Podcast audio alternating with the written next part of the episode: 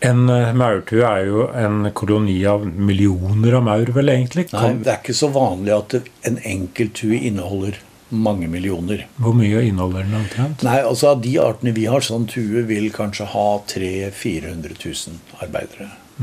Og flere dronninger.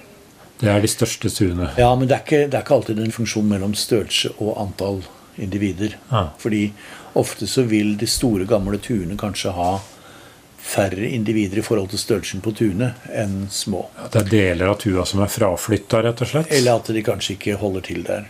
Men så må du skille mellom da eh, antall maur i enkelttur og antall maur i en superkoloni eller et storsamfunn. For det blir da flere tuer som Ja. danner én stor enhet. Ja, og der er det jo kjent at noen arter kan ha storsamfunn eller supersamfunn med flere tusen tuer involvert. Og det aller mest kjente er jo den der japanske formica yesuensis, som på Hokkaido har Det er beregna at det storsamfunnet har eh, tre, over 300 millioner eh, arbeidere. Hvor stort område kan et sånt Ja, Det er flere kvadratkilometer. Flere kvadratkilometer. Hvordan klarer de å holde sammen? For de må vel på en eller annen måte vite at de er samme, i samme forbund? Ja, ja, Da kommer vi jo inn på kommunikasjon. At de har nok f.eks. For, for en stor del duftgjenkjenning.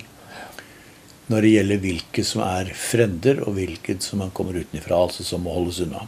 Men mange sånne menneskestorsamfunn Jeg tenker på Aleksander den store. Så lenge han levde, så klarte han å holde dette riket sammen, og så falt det fra hverandre når han døde. Jeg tenker sånn, I randsonen av et sånt gigantisk samfunn, vil ikke der noe av det bare falle fra? Altså Det vil nok være enkelttur som blir fraflytta eller blir ødelagt. Eller, Eller knoppskyter seg til nye Men, men de kan jo etablere mange nye, og særlig hvis de dominerer et stort område, så er det mye lettere å holde og mange individer, så er det mye lettere å holde andre individer unna. ikke sant? De, Eller andre kan, arter. Men de kan ikke dele seg Et storsamfunn, sånn supersamfunn blir så stort at det deler seg i to nye supersamfunn. Og sånn. Ja, det kan, Jeg kan jo vanskelig svare nei på det, men jeg, jeg har jo ikke noe hva skal jeg si, for noe særlig indikasjon på at det skjer. Og jeg har heller ikke sett det dokumentert. Det er stor stabilitet altså i disse Ja, det, det er nok. Og jeg tror at et sånt supersamfunn uh, ideelt sett kan jo faktisk uh, eksistere uendelig. For det må jo være en eller annen evolusjonær fordel med å slå seg sammen i sånne supertur. Hva kan det fordelen være? Ja, Fordelen kan være at den arten da mye lettere kan dominere et stort område. Og på en måte ha det som sitt revir. Men er det sånn at maur fra en tue han har sagt, vandrer til neste tue, og så til neste Er det mye kommunikasjon Ja, tuene de imellom? kan, I de storsamfunnene så kan de arbeiderne vandre fritt mellom tuene. Så hvis det blir, han har sagt, hvis en tue ligger eh, sånn til at det blir dårlige kår der, så kan den flytte til neste tue hvor det er bedre kår? Ja, og de flytter delvis eh, i forskjellige deler av sesonger. Så kan de flytte mellom tuer. For det, det er klart ressurstilgangen vil kunne være forskjellig på forskjellige steder. Og det er jo også en fordel ved å dominere et stort område at dette er jo i prinsippet stasjonære kolonier. De er ikke sånn som noen tropiske som er nærmest nomadiske maur. Her skal de holde til i et område, og det er klart disse store samfunna vil kreve en relativt stabil mattilgang over lang tid. Kan vi si at et eh, supersamfunn, eh, en supertuesamling, er én stor organisme? Ja, det er jo det Wilson har, E.O. Wilson har sagt, eller regner med da, at Hvem er det? det er en eh, vel, kanskje den mest berømte maurforskeren i verden i dag, amerikaner. Han snakker om en, om en superorganisme. Altså hvor hele samfunnet på en måte opererer som en, en utvida organisme, kan du si. Jeg vil ikke akkurat gå så langsomt å kalle det en sånn uh, dyreverdenens Gaia-teori, men, det er klart det er jo en form for samhandling hos disse, i disse maursamfunnene. Ellers ville det vel neppe vært samfunn.